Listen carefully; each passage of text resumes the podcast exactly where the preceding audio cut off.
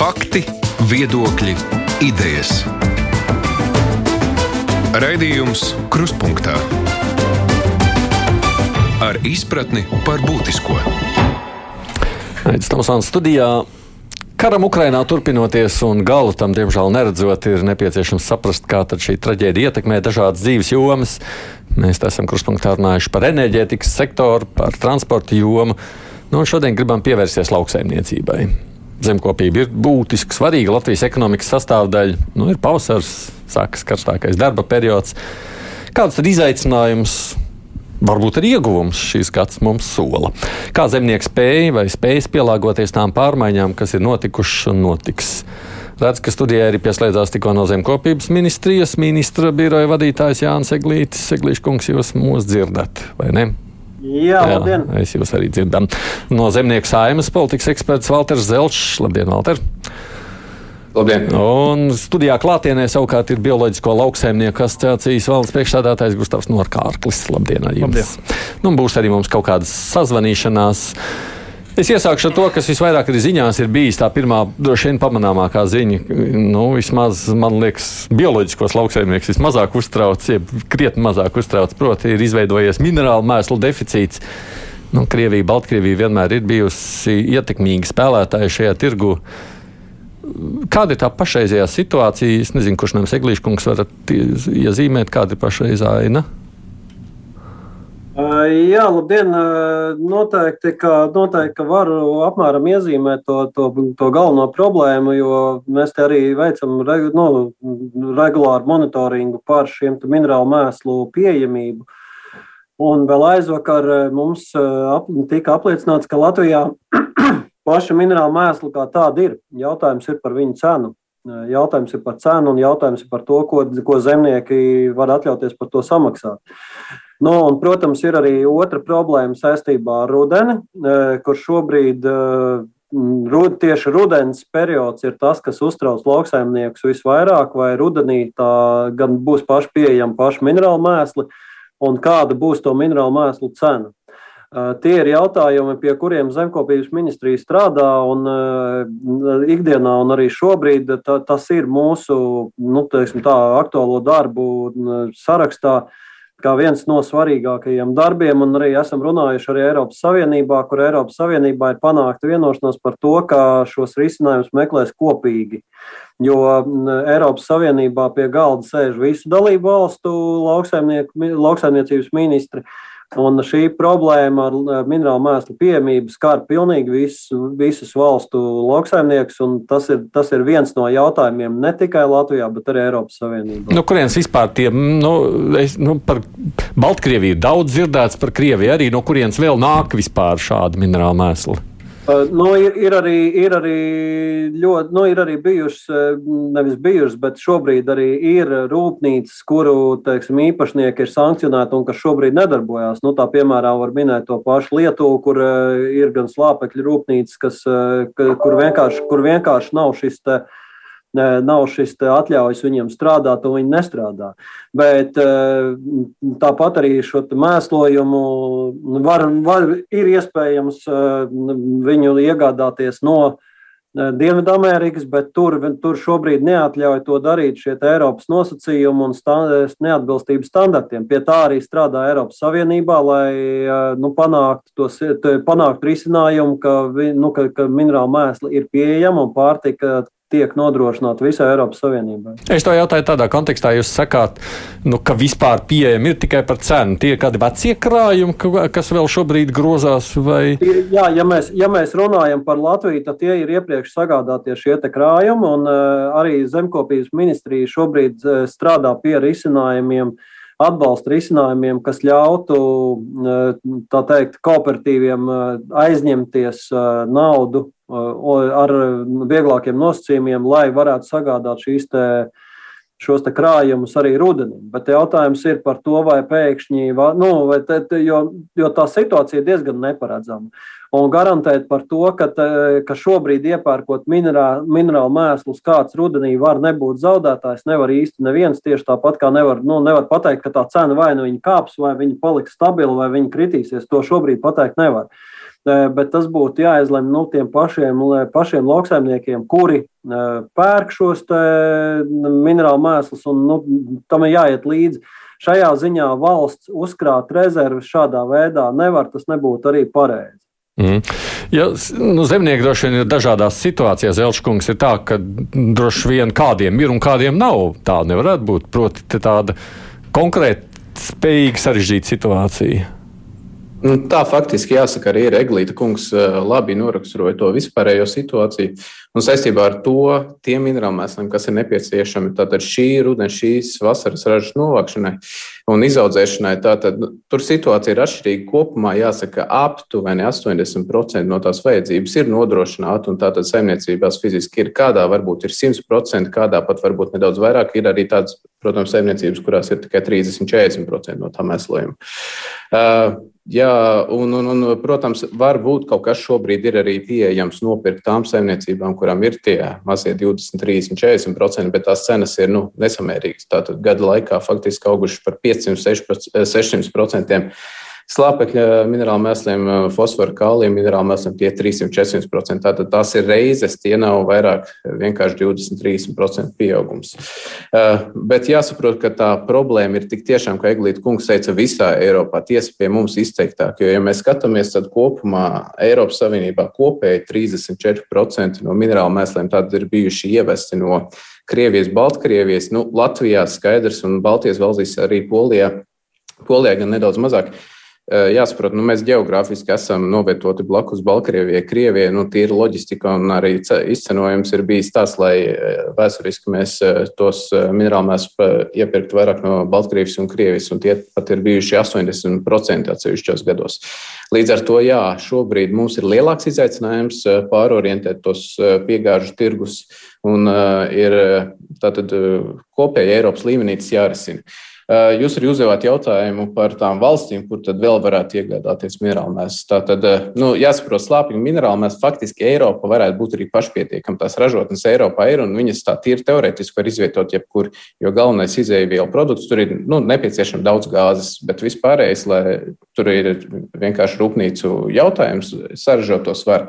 Problēma ir tā, ka jau pēr, pērnā gada nogalē, kad sāka strauji augt dabasgāzes cenas, atsevišķas rūpnīcas Eiropā pārstāja ražot no nu, ar cerību, ka tas ir tāds īstermiņš, gāzes cena pakritīsies, un tad arī tas gala produkts būs lētāks. Un, un, un tad mēs atsāksim ražot lielākā tempā un visiem pie, pietiks. Nu, redzam, tā nebija tā situācija, kā tā izvērtās. Gāzes cena turpināja augt, un līdz ar to šobrīd ir tādi divi faktori. Ja mēs sākam tagad ražot, tas ir vēl dārgāk nekā pērn tas būtu bijis, un tā kā pērn mēs rūpnīcu iz, izslēdzām, tad mums šobrīd nepietiek. Bet nedaudz citādāk ir ar fosforu un kāliju minerālu mēsliem. Tos gan nevar iegūt pilnīgi jebkur. Eh, tie faktiski ir iegūstami tur, kur ir šīs fosfora un kālija minerālu atradnes. Nu, pats vārds minerāli mēs pasakām, priekšā tie ir minerāli. Nu, tad, eh, piemēram, fosfora gadījumā lielākās šīs atradnes Ķīna, Maroka, Krievija, ASV. Tātad Krievija izslēdza ārā, tā ir Ķīna, Maroka, ASV palikušas krietni tālākie gala mērķi. Un, un, un, un, ja mēs runājam par kāliju, tad tā ir Kanāda, Baltkrievija, Krievija, Ķīna. Tad tur ir vēl mazāk izvēles iespējas, vai nu Ķīna vai nu Kanāda. Mm. Bet var jau droši vien tādu provocējuši uh, Norkārku kungs. Var viņš nemēslot, vai ne? Nemēslot nevar. Nevar, ne, nevar nemēslot. Ir, protams, ir, ir protams, jautājums, kā mēslot, o. kā, kā novērst sekas, ka tev kaut kas trūkst, vai tu saimnieko ilgspējīgi un dažādo lauksaimniecību. Un, Tas ir tas jautājums. Nu, protams, nu, proti, varētu meklēt kaut ko citādu nekā vienkārši pierastos pērkot Krievijas minerālu mēslus. Protams, tā, jā, šeit parādās pārtiks patiesā cena un pārtikas drošība, cik viņa trausla ir atkarīga. Mēs esam bijuši laika atkarīgi no, no šī resursa ilgtermiņā un īstenībā tajā visā politikā un lauksaimniecības kopējā politikā netika virzīts prom no šī resursa, un neesam to darījuši. Tāpat kā ar naftu un arī gāzi. Mēs esam tādā, tāds neizdarīts pagātnes darbs attiecībā uz mēslojumu. Mēs ļoti atkarīgi esam no mēslojuma. Tas ļoti labi spilgt parādās. Un, Ir Eiropā arī ir otra diskusija aizgājusi, kā mums jā, ilgtermiņā, sākot jau no šodienas, neatliekot ilgtermiņā, kā aizvietot jā, šo mākslīgo mēslojumu. Un, un, runājot par slāpekli, kas pie tam vēl, kā Valters minēja, kur, lai to ražot, ir ļoti, ļoti daudz vajadzīga gāze. Uh, minerāla mēsla rada arī vienu trešdaļu gandrīz no emisijām. Tā kā šis ir tāds izaicinājums, arī īstermiņā mēs varam meklēt risinājumus, kā varbūt to nodrošināt tagad, lai nebūtu tā krīze. Bet, bet ilgtermiņā tur ir ļoti svarīgi skatīties, kā, kā mēs spējam aizvietot. Nu, nu, bet mums ir svarīgi, nu, ka daudz ko nosaka cena. Mēs jau arī par šo runājam. Tāpēc, ka mūs uztrauc cena. Nu, dārgi var dabūt, vai ne? Vienkārši dārgi maksājam. Mēs jau gribam lētāk. Tāpēc jau mēs meklējam tos lētākos variantus. Bet nav saprātīgi. Bet šeit parādās, ka tagad ir pats dārgākais variants. Ir, minerāli mēs būs dārgāki nekā saimniekot savādāk. Bioloģiskā pamats ir kā, kā izmantot slāpeklis mums pietiekoši daudz ir atmosfērā, ir dažādas citas metodes. Šī bija lētākā, vienkāršākā metode, bet pati nedrošākā un izrādās beigās dārgākā metode. Nu, mēs tomēr ceram, ka tas ir īstermiņa. Nu, īstermiņa grūtības, karš jau beigsies. Mm, stipri šaubos, vai no Baltkrievijas un Krievijas minerāliem mēs, mēs to gribam.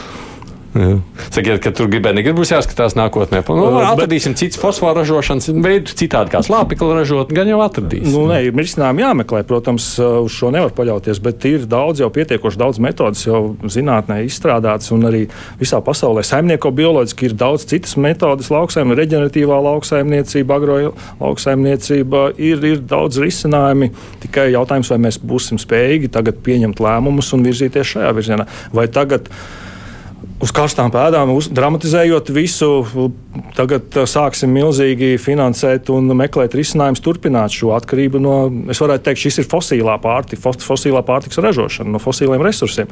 Tāpat kā mēs meklējam risinājumus, kā ilgtermiņā atteikties no gāzes, no naftas uh, aizvietot ar atjaunīgiem resursiem. Tas pats arī lauksaimniecībā būs jābalsta balsta lauksaimniecība, neizmantojot minerālu mēslus, kas ir jāved tālu transportējot. Uh, šeit ir problēmas, ko minēja ar, ar, ar uh, standartiem atbilstošiem Eiropas saimnībā, jo minerāli mēsls satur arī citas vielas, teiksim, kālijas fosfārs, kas, kas neatbilst. Tas atkal saistīts varētu būt ar vidas piesārņojumu.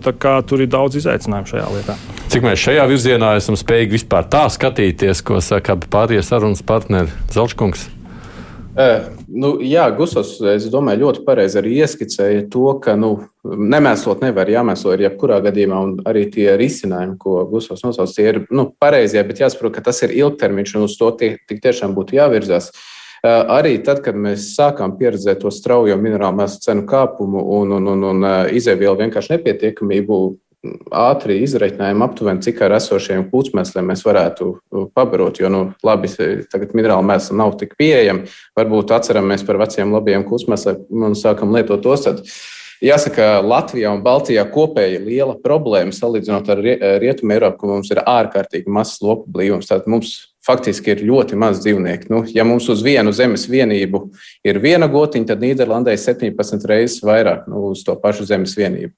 Uh, Līdz ar to jā, nu, tā problēma tā, ka mums pietika aptuveni 20% platība, lai tā pilnvērtīgi pabarotu augus.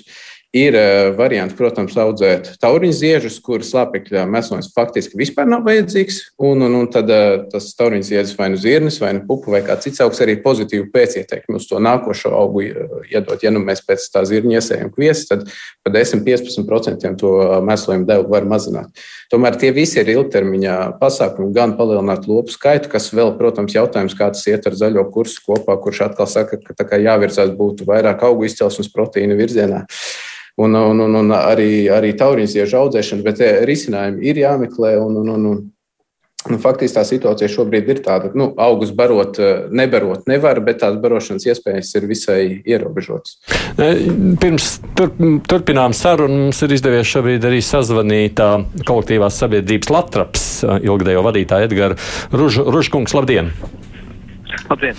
Runājot par minerālu mēslu šobrīd deficītu, kā jūs redzat, kādas iespējas aizvietot visu šo Krievijas un Baltkrievijas tirgus piedāvājumu?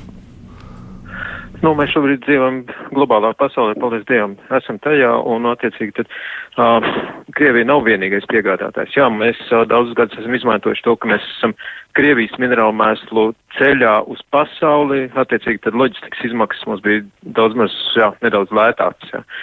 Bet kopumā Krievu minerālu mēslu tāpat tika ierobežot no, no, no Eiropas Savienības puses ar, ar uh, ievadu muitām un akcijas nodokļiem, attiecīgi tad tās cenas uz to laiku, protams, viņas bija nedaudz lētākas tikai uz trans transportu viedokļu.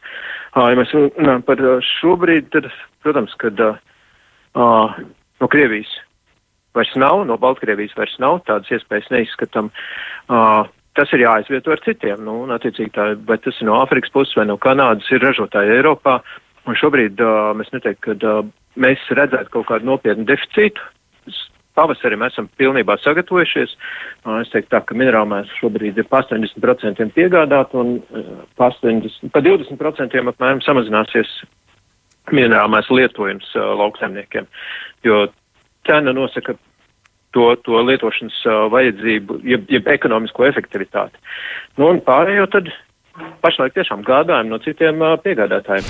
Nu, Protams, es pareizi saprotu. Jautājums ir par rudeni šobrīd, jā, jā. jo, jo tuvojas rudens, kad būs jālieto pamatmēslojums, un tad, uh, bet arī šeit pašlaik iestrādes uh, jau veidojās, un uh, sagādāsim. Nu, proti, jūs tagad sakāt, ka pagaidām mazāk mēslosim, mazāk raža, nu labi, bet kaut kas būs, un tad nākotnē savukārt atradīsim citus ceļus. Uh, tur tā lieta, jā.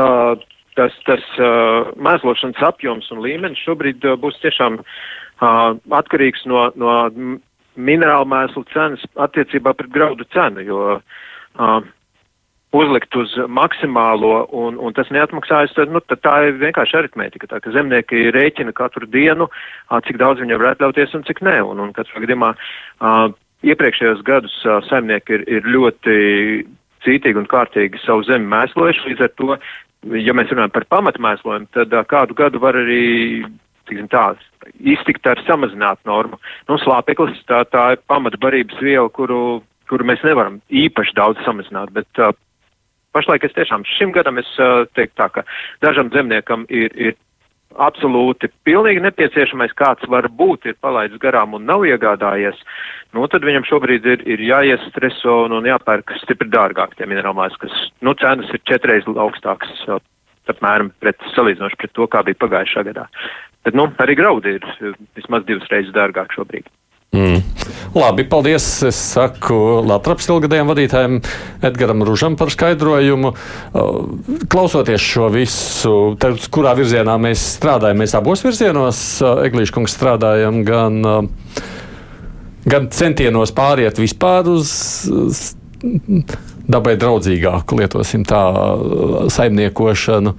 Un arī citu Eiropas līmenī ceļu meklējumu, kā tikt pie minerālu mēsliem. Tad, tad es gribētu teikt, ka zemkopības ministrija nekad nav strādājusi tikai vienā virzienā. Šobrīd mums Latvijā, ja mēs skatāmies uz šo saimniecībām, tad mums ir nu, patiesībā mums ir trīs veidi. Mums ir šīs bioloģiskās saimniecības, mums ir integrētās un mums ir konvencionālās. Un eh, zemkopības ministrijas kā valsts uzdevums ir rast līdzsvaru starp šīm saimniecību grupām, starp šīm saimniecībām, un uz to mēs arī šobrīd strādājam, lai katra no šīm saimniecībām var realizēt savas vajadzības un uh, realizēt sevi kā lauksaimniecības, uh, nu, kā lauksaimniecības saimniecību. Tāpēc ir skaidrs, ka arī ja zaļais kurs un šīs apņemšanās, kuras mēs esam apņēmušies, uzliek mums savus pienākumus, un tos mēs arī šīs Eiropas apņemšanās mēs arī esam gatavi pildīt, lai arī katrā no tām mēs esam norādījuši to, ka Latvija atrodas mazliet īpašā stāstā. Uh, Un tas īpašais stāsts ir eh, pirmām kārtām caur to, ka mums eh, gan šis mēslojuma līmenis, eh, gan mēslojums pats kā tāds netiek tērēts tik daudz kā vidēji Eiropā. Mēs esam viena no pirmdieniem, mēs esam viena no top šīm valstīm, kur mēs lietojam maz. Mēs esam no valstīm, kur arī tā skaitā bioloģiskās saimniecības ir pietiekami, pietiekami nu, nu, neteiksim, pietiekami daudz, jo nekad nav, nekad nav tik daudz, lai nevarētu būt vēl vairāk. Eh, bet kur eh, mums viņas ir vairāk nekā vidēji Eiropā, un eh, vienīgais, kas mums mazliet varbūt pieklibo, bet es ceru, ka tas nākotnē labosies, un šobrīd ir īstenībā nu, visi apstākļi tam, lai tas tā notiktu. Mēs sagaidītu no šīm bioloģiskām saimniecībām, ka raža paliek ne tikai uz lauka, bet ka viņi nonāk arī patērētāju mājās, uz galda un visādi citādi. Viņi paliek jo uz lauka. Šī, Jā, nu, pagājušā gadā man bija, tā, bija, bija ja, iepriekš mums bija teiksim, problēmas ar ģimenēm, kas nu, palika nākošajam gadam sējai vai, vai, vai kā citādi palika uz lauka, tad, šo, tad mēs nu, arī skatoties šos skaitļus.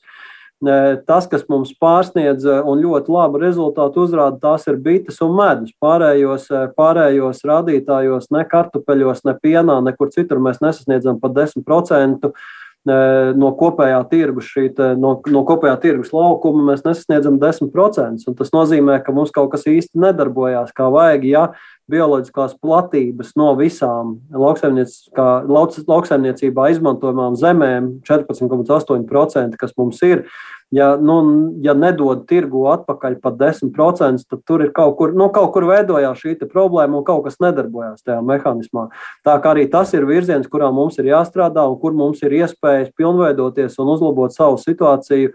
Ne tikai valstiski, bet arī katras individuālās saimniecības eh, apmērā.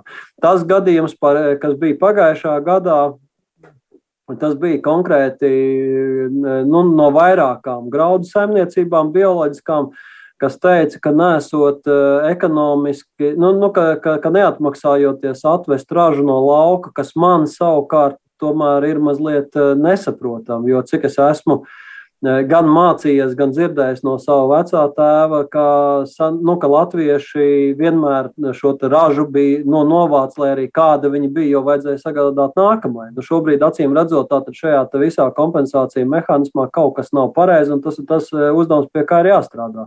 Bet Latvijā ir vieta visām trijām grupām, gan integrētai, gan konvencionālai, gan arī bioloģiskai ražošanai. Un uz to mēs arī strādājam. Bumba tagad ir pārmest jūsu laukuma pusē. Ļoti grūti komentēt tādu maldinošu informāciju. Jau visus šos gadus, kamēr mēs esam ar Eglītu kungu runājuši, vienmēr viņš šo ir uzsvēris ļoti negatīvo kaut kādu tendenci par bioloģisko lauksaimniecību, izvēlkot ārā kaut kādu vienu gadījumu, varbūt no 4000. Tas ļoti tendenciozi un ļoti nekorekti no viņa puses. Es vairāk negribēju šo komentēt. Bet, nu, vispār, ja, nu, jā, bet... es, es par šo konkrēto gadījumu, protams, es domāju, labāk paplūcieties aiz skatu par šo, bet skatoties par uh, kopējo situāciju, nu, bioloģiskiem lauksaimniekiem vajadzētu, man liekas, tikai būt ieguvējiem tagad no šī stab, ir stabilitāte. Mēs esam aptaujājuši tagad bioloģiskos lauksaimniekus. Jā, viņi jūtās drošāk, protams, viņiem nav tās izmaksas pieaugušas uz minerālu mēsliem, bet, protams, ir izmaksas pieaugušas uz dīzeļdegvielu. Nu, gan, visiem, protams, gan arī jā. darba spēks, atalgojums jā. ir jāpalielina, arī citi līdzekļi, kas vajadzīgi lauksaimniecībā, ir izmaksas pieaugušas. Protams, ir tā drošāka sajūta, bet uh, Šeit ir viena tā bīstamība, kas arī tagad parādījusies piena lopkopībā. Piena cena vidējā bioloģiskā iepirkuma valstī ir zemāka nekā konvencionāla. Un tur ir savi izskaidrojumi. Ir tas kāpums konvencionāliem par tiem graudiem, ko maksā, kā iepriekš minēju, uzkāpus arī diezgan divreiz augstāka cena. Bioloģiskajai lauksaimniecībai neiet tik augstu tās izēvielu iepirkuma cenas. Nu, tas ir tie pasaules tirgi, kas ir biržās, ir graudiem un piens ir ļoti pieprasīts. Vispār kopumā ir kā deficīts, tāpēc tā cena kāpj augšā un bioloģiskais vairs nevar tik. Un arī tās izmaksas varbūt jā, nav tik lielas, un te parādās tā patiesībā patiesā pārtikas cena. No iepirkēja viedokļa nav viena alga, viņš ir šāds vai tāds piens maksā. Taču... Jā, bet nu, tur ir savi citi iemesli. Tur ir varbūt bioloģiskās saimniecības ir vidēji mazākas, un tā nu, loģistika tā, ir. Tad, tur, tur, protams, tur jā. ir citi iemesli, tur jāskatās plašāk. Bet, Es neteiktu, ka ieguvēji, bet, bet tie riski pastāv arī, protams, nākotnē. Ir, ja tā, tā cena būs zemāka, tad būs jautājums, vai bioloģiskais lauksaimnieks vēlēsies palikt šajā ražošanas metodē, redzot to ekonomisko ieguvumu, varbūt arī ar dārgākiem minerālu mēsliem un dārgākām izēvielas, ko viņi nopērk no viņa graudus, vai dārgāk pienu nopērk, mainīt un. Nu, piedodiet, es no pircēja viedokļa, ja es ieeju veiklā un skatos, hmm, parastā māja izmaksā dārgāk un bioloģiskā lētāk. Es skaidrs, ka izņemšu veselīgāku un lētāku. Bet uh, nenotiek tā. Ir, ir ļoti interesanta situācija, ka izēvielu no zemnieka iepērkot izēvielu, viņi ir mazliet lētāk nekā konvencionāli, bet veiklā viņa uzgājas ir augšā. Te ir nu, atkal vesela ķēde, gara ķēde, jā, protams. Apmēram tā. Bet, nē, nu, vienalga kopumā jau skatoties, es pieļauju, ka utas ir katrā kažokā, protams, bet jā. kopumā skatoties. Jums jau nu, tāda lielāka riska ar šo nav radušies. Tieši otrādi. Tieši otrādi. Es saku, tieši mēs aptaujām, mēs arī skatoties ilgtermiņā atpakaļ visās krīzēs, viss, kas ir bijis tieši bioloģiskā lauksaimniecība, tiek kritumi, kāpumi nav bijuši tik izteikti. Un nevienā krīzē nav bijis tāds apdraudējums, kā visu laiku tiek runāts sabiedrībā. Tur aktīvāk vairāk runā par konvencionālu lauksaimniecību. Tur ir tā krīzes ietekme būtiski vienmēr lielāka.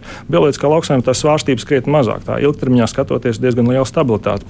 Jo jā, mēs izmantojam savus tie pamatprincipi, ir izmantot savus resursus saimniecībai, būt mazāk atkarīgam no āriem resursiem, un tas, tas ir ļoti būtiski. Un skatoties nākotnē, mums ir tāda tendence, saprotot, ka nākotnē ļoti daudz mazās saimniecības varētu pāriet uz bioloģisko mm. ražošanu, jo minerāli mēs paliek dārgāk. Jau ir veikta aptauja, ka viņi nevēlas lietot, nepirks, viņiem nav resursi. Tad īstais ceļš iet uz bioloģisko ražošanu. Jā, tas nozīmē, ka varētu būt, ka jūsu saimniecība īpatsvars paliks vēl lielāks. Noteikti. Bet nu, ar saviem 10-14% skaidrojieties tālāk. Protams, tur ir Jā, tas būs cits, cits saruna. cita saruna. Es tikai atgādināšu, pirms mēs turpinām ejam tālāk sarunā, ka mums ir studijā Gustavs Norkārklis, kas ir bioloģisko lauksaimnieku asociācijas valdes priekšsēdētājs. Nu, un savukārt attālināti raidījumam pieslēgušies ir Valters Zelčs no Zemnieku saimas un Jānis Eglīts no Zemkopības ministrijas. Raidījums Krustpunktā. Kas ir vēl tie lielākie izaicinājumi? Tagad skatāmies naftas cenas. Naftas cenas jūs ietekmē, jā?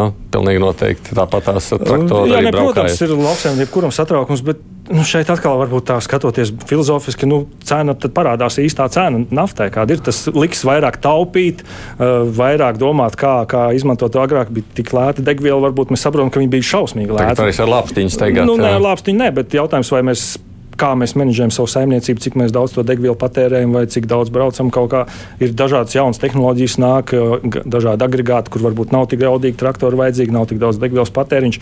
Protams, ietekmē, bet saimniecības līmenī, nu, kā kurai saimniecībai, kā kurā ražošanas veidā ļoti ir dažādi. Ir tas degvielas daudzums, cik patērē saimniecībā, nu, tas ļoti, ļoti atšķirīgi. Mm. Tas vēl tikai būs nākotnē redzams Jā.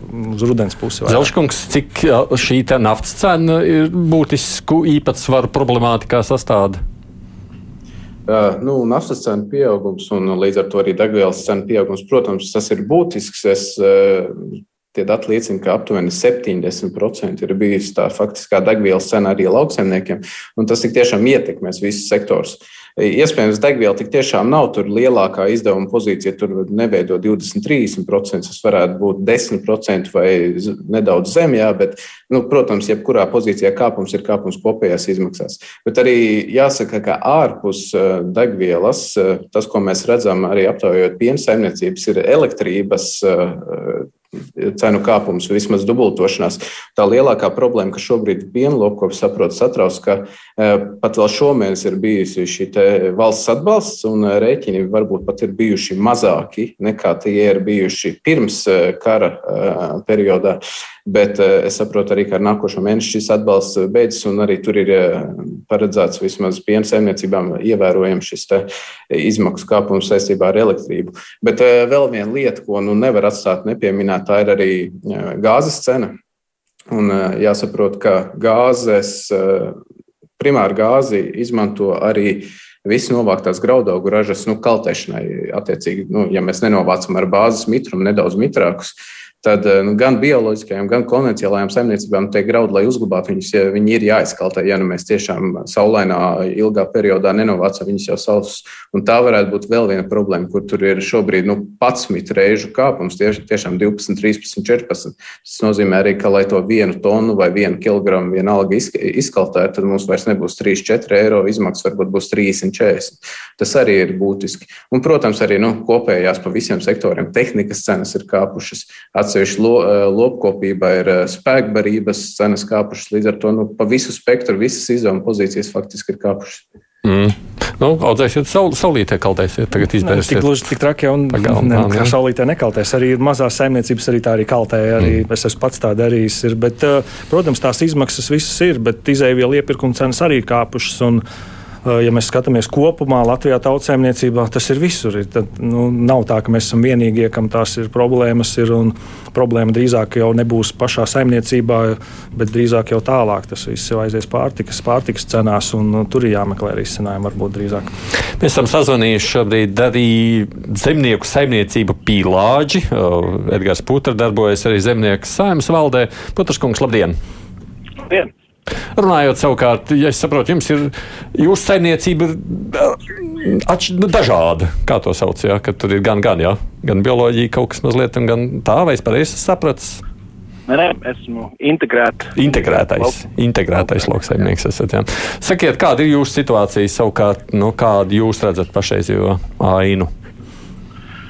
Nu, nu, kolēģi jau paklausījos šobrīd arī radio, ieskatēju ļoti daudzas pozīcijas, kas, kur, kur ir ļoti nozīmīgs kāpums, bet um, vēl jau arī rezerves daļas tāpatās, kuras uh, pat īstenībā viena brīdi pat ir tā, ka iespējams pēc kāda cena nebūs pieejams, un tad tas nozīmē, teiksim, sezonas laikā ja kombinācijas apstājās, tad viņš apstājās nu, uz ilgāku laiku. A, kāpēc te nav pieejams? Mums jau nav sankcijas pret, uh, pret rezerves daļu iegādi. Vai tāpēc, ka mums ir pamatā Krieva un Baltkrievu tehnika?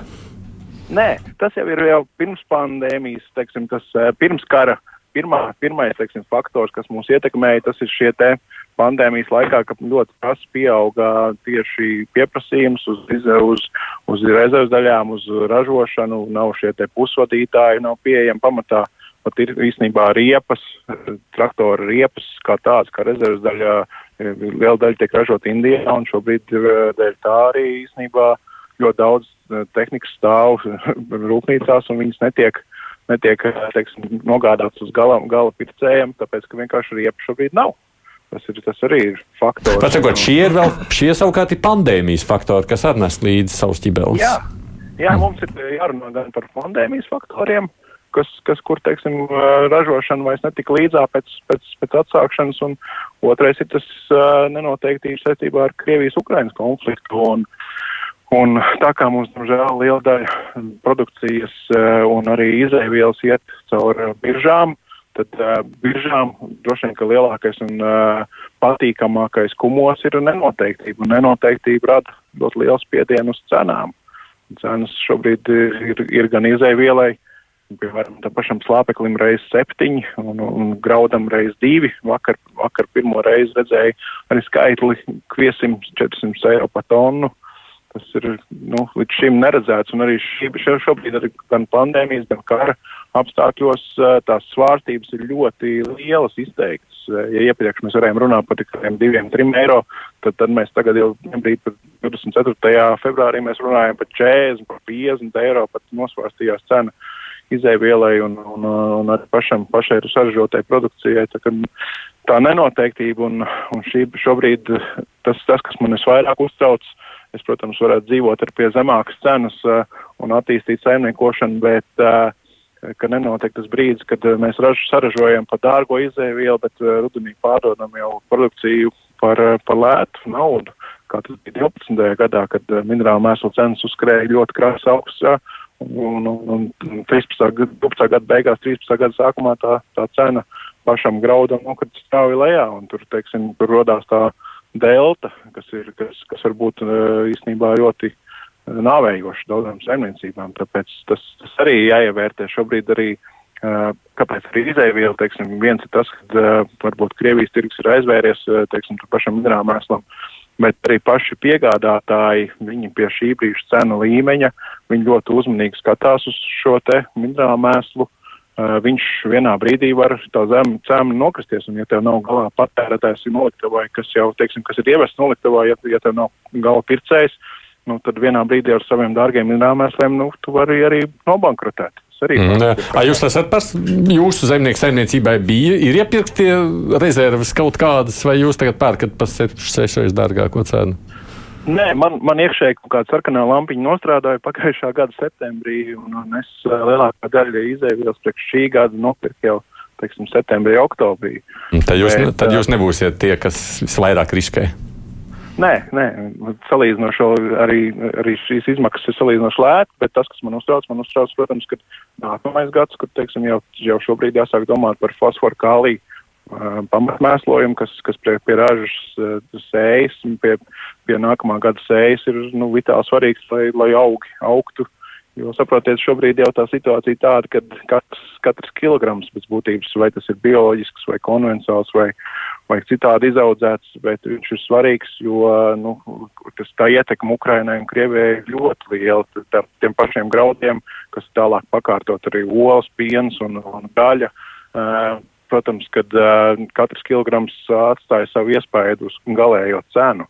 Un tāpēc ir apsveicams arī teiksim, šobrīd tas lēmums no Eiropas komisijas un Zemkopības ministrijas puses, ka nu, ļauj tās mums Latvijā ir apmēram 54 tūkstoši hektāru papuvas, kurš šogad varēs apsēt.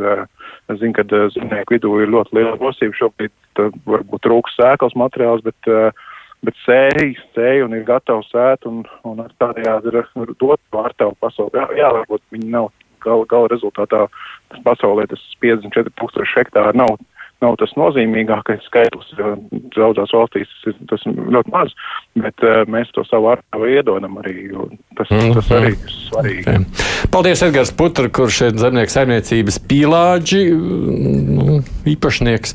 Ja runājam savukārt par kopējo to situāciju nu, graud, nu, sadalot nozēm graudaugi jau tā kā cer arī pie reizes uz nu, dārgāku vai ne cenu. Ir jau. Produkcijai nu, ir jau, bet nu, ir īpaši uz rudeni, ja tagad pavasarī sēja. Mhm. Cik maksās mājas, nav nejausmas grauda. Mēs tā tiešām varam tikai minēt, ir kaut kādas nu, norādes. Jā, Zelčkungs. Fakt, jā, faktiski tā situācija ir tāda, ka, ja nedubultojusies, tad ļoti tuvu tam graudu cena arī tikko paskatījos biržā. Es atceros, ja pērnu savā saimniecībā izaudzēto ražu varēja pārdot, teiksim, graudu augu par 210, 220 eiro tonā, tad šobrīd tur jau rādās cipari 360 un izskatās, ka tas varētu vēl kāpt. Uh, kas nozīmē, ka maizītei vajadzētu maksāt vairs nevis tā, kas bija eiro, maksās nākotnē tuvu pie divi. Apmēram tā. Uh, tad par maizes cenu ir tā, ka es, uh, manuprāt, pagājušajā nedēļā tika publicēti centrālās statistikas pārvaldes dati. Un jāsaprot, ka Šobrīd eh, maize un milti joprojām eh, tiek ražot no pagājušā gada izaudzētajiem un nopirktiem graudiem, kas tie 210, 220 eiro. Tomēr pārstrādes uz, uz, uzņēmumiem nav tikai izēviela, viņiem ir gan darba algas, gan energoresursi un tā tālāk. un tad, ja pa maizi runājam, tad šobrīd jau ir eh, te 40% cenas kāpums miltiem un graudaugiem, tātad plus 39% jau šobrīd ir pie vēl vecās šīs graudu cenas. Tad, kad eh, būs augusts, eh, varbūt jau jūlija beigas, septembris un sāks tik tiešām vispārstādes uzņēmumi iepirkt graudus jau par šo jauno augsto cenu, nu tad eh, es varbūt negribu celt milzīgu paniku, bet tāda situācija, kur maizes cena, miltu cena un citu graudaugu produktu cena pakāpjas faktiski pa 100%, jeb dubultojas, Tas vairs nav nekas neticams, un tā tik tiešām tas varētu būt. Līdz ar to, nu, jā, tas ir skaudri, un uh, patērētājiem kopā par to vajadzēs, protams, maksāt. Jā. Es tomēr ceru, ka es bioloģisku maizi varēšu dabūt lētāk. Jā, protams, varēs. Jā. lētāk. Cena būs atbilstoša tirgum tajā brīdī. Šeit es nu, gribētu pieminēt, tāds... Uh, šeit jau būs ļoti daudz arī spekulācijas, un šī nenoteiktība visā pasaulē Šeit ir plaša lieta, ir spekulācijām un tirgus. Mēs varbūt tik daudz to cenu nenoteiksim, kā noteiks birža un pasaules lielie spēlētāji. Prognozēt var arī gadīties, kā pieņēmums, var arī rudenī, ko Edgars Putra minēja, ka var arī graudu cena nokristies. Uh, tagad ir tas bums, ražosim vairāk, visur sēsim vairāk, ir uh, lielās pasaules kviešu ražotāju valstis ražo vairāk. Uh, eksportē vairāk. Tad Nā, varētu, ka Ukraiņi beigās arī paspēs sasēt. Es domāju, visko. ka jā, nu, viņi jau sēja, mēs daudz, redzam. ļoti daudz ir pat sasējuši, un tas, viņi pat arī eksportē kviešus, nav apstājies. Tad drīzāk būs loģistikas problēmas un visas spekulācijas. Tā kā ir ļoti, ļoti liela nenoteiktība. Un tas īstenībā arī kā bioloģiskos arī, arī biedē visus. Tā mm. neziņa, kas būs. Un tas, jā, pirkt tagad, es jau nerunāju par bioloģisko, bet par konvencionālo, pirkt minimālus tagad dārgos, ieguldīt un jā, graudu cenu it kā dārgi, bet var arī nokļūt nokristies, un tad arī var būt nu, mīnusās. Palikt, bet, jā. jā, tā nenoteiktība tas ir tas sarežģītākais. Bet, Gan jau Eglīša kungs grib ko teikt. Jā, kolēģi, diemžēl jāsaka tā, ka nu, tā, tās ziņas, kas pienāk no Ukrainas, liecina, ka karš nebeigsies ne šodien, ne rīt un ne parīt. Un, uh, mēs šobrīd runājam par ceturto valsti pasaulē graudu eksportā. Ne tikai, mēs, ne, bet mēs esam pieskārušies īstenībā ļoti nepareizi. Mēs esam pieskārušies tikai graudiem. Ja mēs runājam par, ekspo, par Ukrajinu, tad uh, svarīgākais, kas ir, tā ir apšu eļļa, tas ir apsis, uh, ir vēl virkni citu. Un, teiksim, ja mēs runājam par uh, lauksaimniecību kopumā, tad rapša rauša, kas arī nāca no Ukrainas lielā mērā tieši lauks, lobarības ražošanai, lobarībai. Uh, piena lopkopībā, ko Latvijā izmantoja ārkārtīgi daudz, tā arī, tas arī ir resurs, kas mums šobrīd trūkst. Neapšaubāmi var jau teiksim, runāt par to, ka visvairāk biedē neziņa, un tā arī ir. Es piekrītu Norkārkļa kungam, bet ir skaidrs viens, ka šī situācija tuvākajā laikā neatrisināsies. Un Man prieks, ka, man prieks, ka Norkārkļa kungam ir informācija, ka Ukrainā viss notiek. Man savukārt ir informācija, ir, ka Ukrainas lauki ir nomētāti ar mīnām, kur pagaidām, kur pagaidām nav skaidrs, kas ar to notiks. Man ir informācija, ka mērķiecīga okupanta armija Ukrainā arī iznīcināja lauksaimniecības tehniku, kombainus, kombainus traktorus, ārklus piekabes. Un tas viss radīs problēmas, kuru ietekmi mēs jutīsim ne tikai šogad, un ne tikai nākamgad, bet vēl kādu laiku uz priekšu. Jo kā viss atrisināsies, mēs šobrīd to nezinām. Mēs šobrīd, no mūsu galvenais uzdevums, kā es jau, kā es jau teicu, bū, ir, mērt, ir mērķiecīgi risināt situāciju Latvijā, orientējoties ne uz vienu vai otru sektoru, bet risināt, risināt situāciju kopumā. Ja mēs runājam, eh, šeit arī tika runāts par šīm iespējamām cenu izmaiņām. Nu, tad uh, mazliet skaitļi no salīdzinot ar pagājušo gadu. Lobarības kvieši jau ir kāpuši par 26%, lobarības mieži par 60%, lobarības rūdzi par 33%, lobarības auzas par 77%, dīzeļdegviela Februārī bija kāpus par 25%, elektroenerģija par 37%, dabas gāze par 51% un minerālu mēslojums par 75%. Šie visi skaitļi liecina, un te es negribētu piekrist Putras kungam, jo tajā brīdī, ja šobrīd lauksaimnieks ir, investē, ir investējis nākamajā graudu ražā kaut kādu noteiktu summu, tā cena vienkārši nevar krist zemē.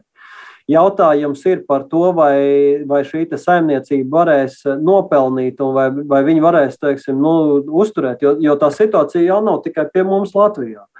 Eh, par to, ka Eiropā pietiks, eh, pietiks pārtika, mēs arī šobrīd, ja mēs skatāmies uz Latviju, mēs esam pašpietiekami. Mēs saražojam trīsreiz vairāk gan graudus, gan trīsreiz vairāk graudus, gandrīz divas reizes vairāk kolas un vispārējais, bet tā situācija var strauji mainīties tieši saistībā ar pārējām valstīm, kur, mēs, kur, kur, kur pilnīgi skaidrs un loģiski, ka mēs nevarēsim, un mēs arī to negribēsim, aizliegt mūsu ražotājiem tirgot mūsu produkciju ārpus Latvijas.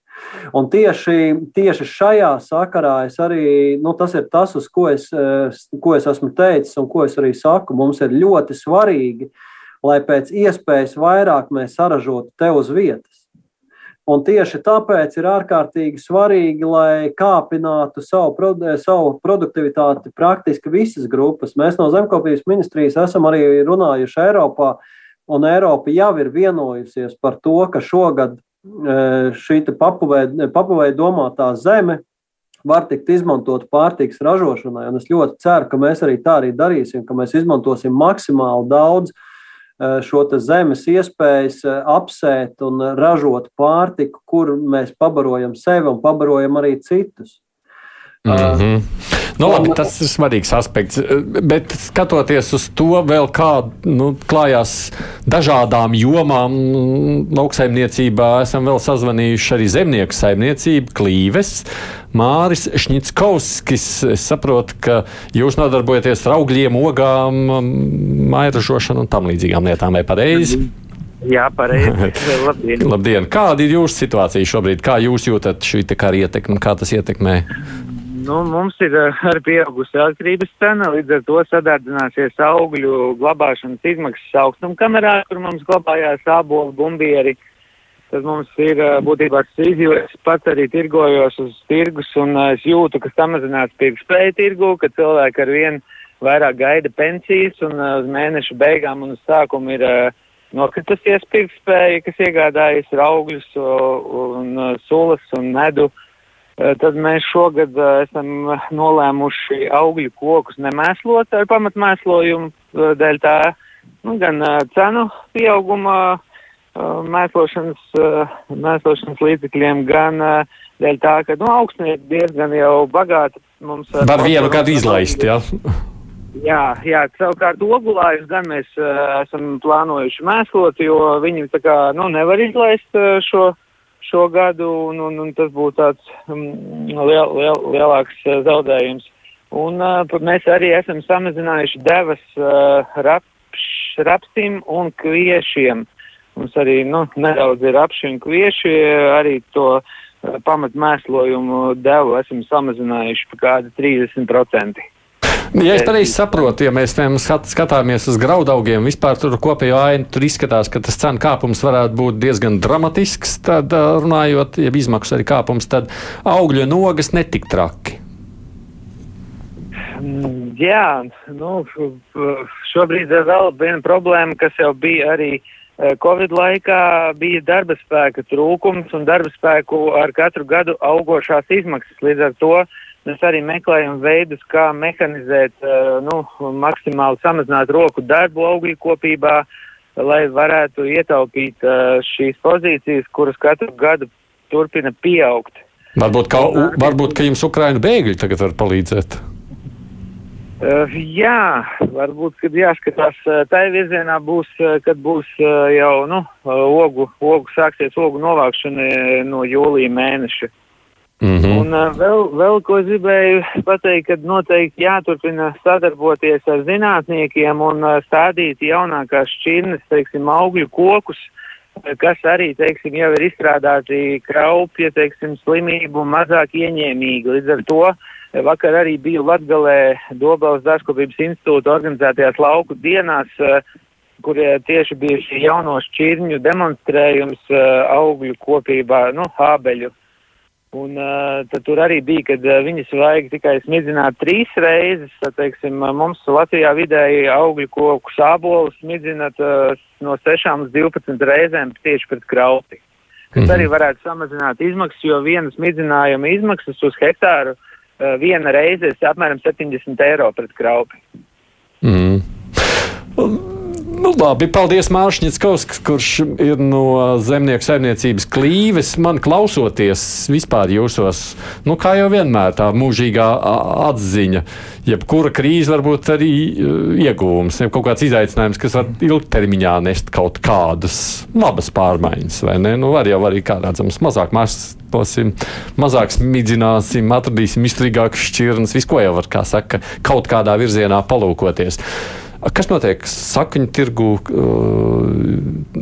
dārziņu audzēšanā? Droši vien ļoti, ļoti līdzīgi. Tas pats arī, ja runā par minerālu mēsliem, droši vien arī tas pats ir tās cenas pieaugums. Ir. Tur var būt arī citas problēmas, tur ir darba spēks un, un, un, un nav tās tradīcijas Latvijā, ka mums šī ir tā viena nozare, kur mums, mēs nespējam sevi nodrošināt ar šo, šo segmentu. Ar dārziņiem mums jāgraud ir krietni vairāk nekā mēs patērējam, piens ir vairāk, bet dārziņu segments ir tas, kas mums ir. Tas, nu, Tāpēc, ka izdevīgāk, jā, vienkārši. Nu, jā, protams, ir arī tendence, arī to, ko Valters sākumā minēja, ka mums lopkopība nav un kā aizvietot mēslojumu. Mums ir uz, jāiet uz lopkopību, varbūt ne uz ļoti intensīvu, bet uz ganību dzīvniekiem. Tādā veidā mēs varam palielināt. Tendence ir, ka lielākā daļa lauksaimnieku ar vien vairāk, vairāk iet uz uh, augkopību, uz graudkopību. Un, un šeit ir tas izaicinājums mums, ko darīt, kā mainīt. Un, manuprāt, zaļais kurs ir tagad ir ļoti daudz izteikumu, ka vajadzētu apturēt un mainīt to virzienu arī lauksaimniecībā, neiet uz stratēģiju no lauka līdz galdam, un tas vēl vairāk padziļinās krīzi. Manuprāt, tieši otrādi, vēl vairāk šis ir jāvirz uz priekšu no lauka līdz galdam. Uh, jo šajā stratēģijā ir, ir ietverts iekšā ļoti daudz lietas, at, mazināt atkarību no minerālu mēsliem, no pesticīdiem, īsās pārtikas ķēde, lauksaimnieku loma pārtikas ķēdē, tirzniecībā.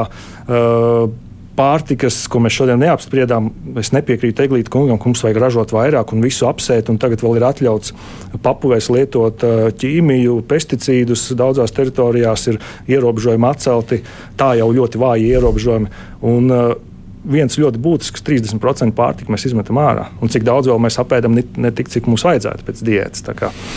Šīs ir tās lietas, kas šajā stratēģijā ir ietvertas iekšā. Un, manuprāt, atlikt šo visu vēl ilgāk, tas radīs nākotnē vēl dramatiskākas sekas. Tāpēc mums ir vēl stingrāk jāvirzās šajā virzienā. Bet nu, tas ir tas, ko Eglīša kungs ir sākumā sacījis. Nu, tā ir tāda Eiropas kopējā politika, vai ne? Un es jādomāju, arī ka Latvijas, arī Latvijas. Nu, arī Latvijas, bet arī pēc Eiropas, jā, Eglīša kungs. Jā, es varbūt mazliet, mazliet paturpināšu tam, ko sacīja Norkārkļa kungs. Tad, nu, lūk, 2020. gadā atdeve no bioloģiskās lauksaimniecības tieši dārzeņu segmentā bija 2,6%. Ja mēs runājam par to, ka nevajag izmantot papuvis, tad arī tur, arī tur jāsaka tā, ka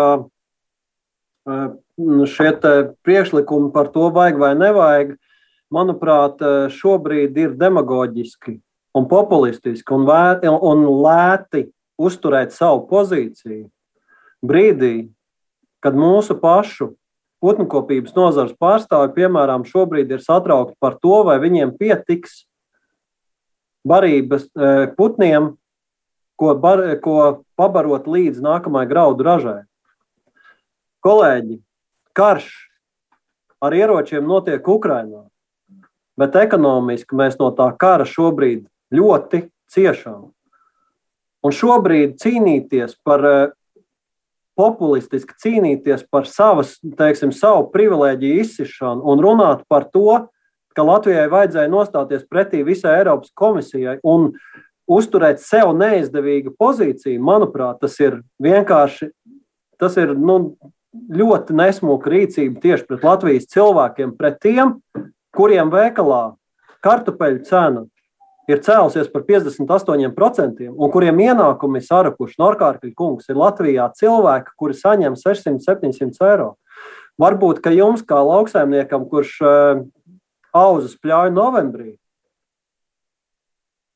ir teiksim, cits viedoklis. Es uzskatu, ka mums ir jārūpējas par saviem iedzīvotājiem un jānodrošina saviem iedzīvotājiem pēc iespējas lētāka pārtika, ko viņš var atļauties veikalā. Nesamazinot, es uzsveru, nesamazinot nevienu no sektoriem. Un kā, kā jūs jau zinat, eh, mēs bioloģiskajā lauksaimniecībā joprojām esam atstājuši šo savu 20% mērķi 2027. gadā. Bet brīdī, kad mēs esam kara apstākļos, mums ir jādomā kā kara apstākļos, nevis kā parastajā, regulārajā miera dzīvē. Man liekas, ka es jūs kaut kad uzaicināšu abus uz viens pret vienas diskusiju. Tad es domāju, tur sanāks, jo šī tā nesanāks. Zelškungs lieciet tagad uh, punktu zīmē, jo mums ir viena minūte līdz beigām. Punktu uz ies, eh, labi, es varu pielikt arī punktu uz i, bet uh, tas, ko es gribēju pieminēt, nu, jā, ir bijušas, piemēram, šobrīd tā zaļināšanas atkāpes un kaut kādas sarunas arī par zaļo kursu, bet es laikam līdz galam negribētu piekrist tam, ka kāds šobrīd, vismaz es neesmu dzirdējis, pateikt to, ka viss nu, tagad zaļo kursu un 3-4 gadu ilgo darbu pie tā, tagad mēs izmetam mēslēnē un par to aizmirstam. Ir jāsaprot, ka jā, pārtikas cenas kāps un, un, un par tām samaksās iedzīvotāji. Un faktiski vienīgais veids, kā tās pārtikas cenas šobrīd mazināt, ir eh, ražojot vairāk. Nu, atceramies, Covid sākumā maskas uh, bija liels deficīts, bija liels pieprasījums, maz piedāvājums uzkāpa pat līdz 60, eiro, 60 centiem gabalā, un tad pašās beigās tad, uh, Eh, tad, kad iedarbināja šīs masku rūpnīcas, masku cena atkal no, nokrita. Tas pats mhm. šobrīd ir ar pārtiku. Draudz 60 eh, to, kviešu tonu, miljonu tonu iztrūkums pasaulē. Un tā pārtikas cena sāks krist uz leju tajā brīdī, kad eh, piedāvājums sasniegs pie, pieprasījumu. Pieprasījumu labi, man tomēr vien, vien teikumu jāatļauj. Ļoti īsi par, es domāju, ka lētāka pārtika nav risinājums. Risinājums ir mm. drīzāk arī Eglīta kungam, kā kas ir valdībā, risināt to, ka mums ir labākas darba vietas un cilvēki varētu vairāk nopelnīt. Gustavs Norkārklis vada Bioloģisko lauksaimnieku asociāciju, Jānis Eglīts, zemkopības ministra biroja vadītājs un Valters Zelžs, zemnieku saimnes politikas eksperts. Paldies, producentiem Junām studijā Aits Tamsons.